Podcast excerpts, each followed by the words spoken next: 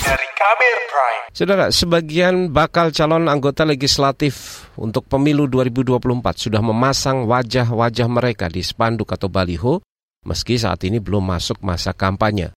Kondisi ini terjadi di sejumlah daerah. Lalu apa tindakan Badan Pengawas Pemilu atau Bawaslu terhadap fakta-fakta tersebut? Selengkapnya simak laporan khas KBR disusun jurnalis Ardi Ridwansyah. Masa kampanye pemilu 2024 baru akan berlangsung pada 28 November 2023 hingga 10 Februari 2024 atau selama 75 hari. Namun, alat peraga kampanye politik sudah bermunculan sebelum waktu yang ditentukan. Salah satu bentuknya berupa pemasangan spanduk di tepi jalan. Kerap kali spanduk tersebut berisi identitas partai politik serta nama bakal calon legislatif. Pemasangan berupa spanduk di luar masa kampanye itu salah satunya terjadi di Garut, Jawa Barat.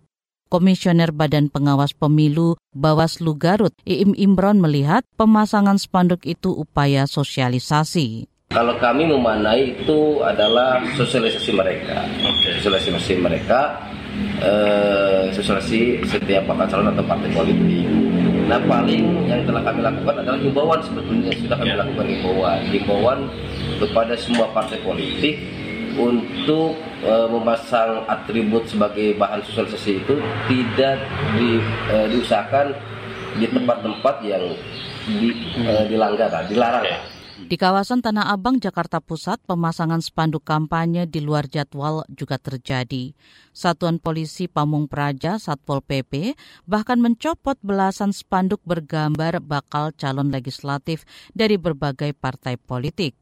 Kepala Satpol PP Kelurahan Kampung Bali Tanah Abang Marjai mengimbau bacalek serta parpol mematuhi jadwal mengenai pemasangan alat peraga kampanye.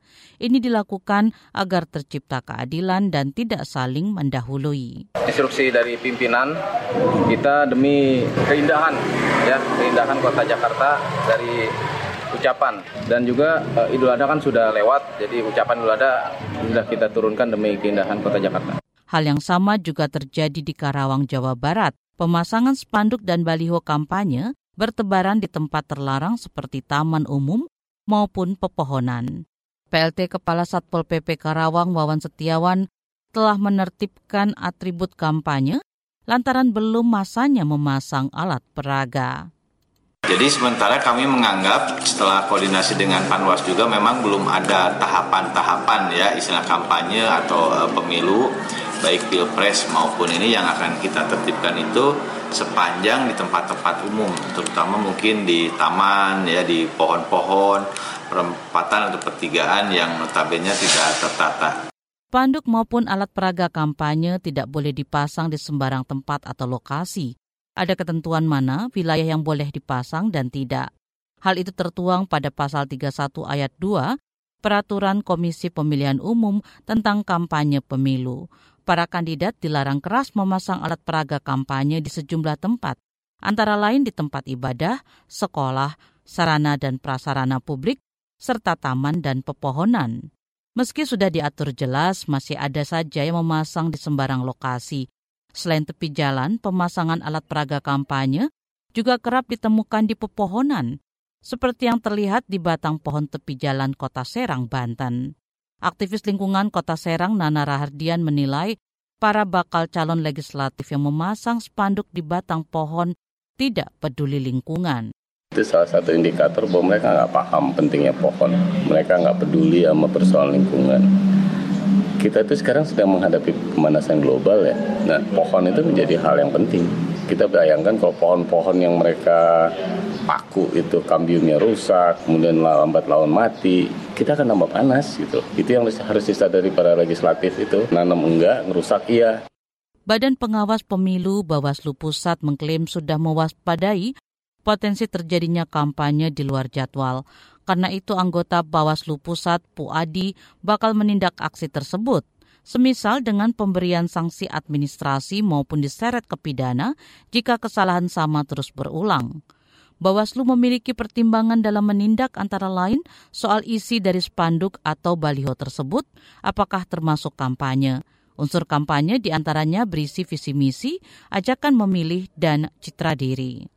Bawaslu bisa memastikan ya dalam proses pengawasannya karena kita mengenal istilah cegah awasi tindak. Hmm. Jadi kalau misalkan dalam proses uh, Bawaslu sudah melakukan proses pengawasan ya, kemudian melakukan proses pencegahan ketika diduga adanya dugaan pelanggaran, ya kita harus melakukan proses apa yang disebut penindakan. Selain itu, kampanye di luar jadwal bisa dikenakan sanksi pidana. Hal itu diatur dalam Undang-Undang tentang Pemilihan Umum.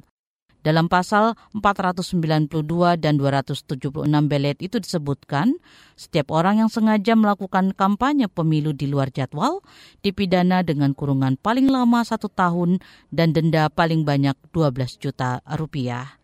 Demikian laporan khas KBR, saya Fitri Anggreni. Kamu baru saja mendengarkan news wrap up dari KBR Prime. Dengarkan terus kbrprime.id, podcast for curious minds.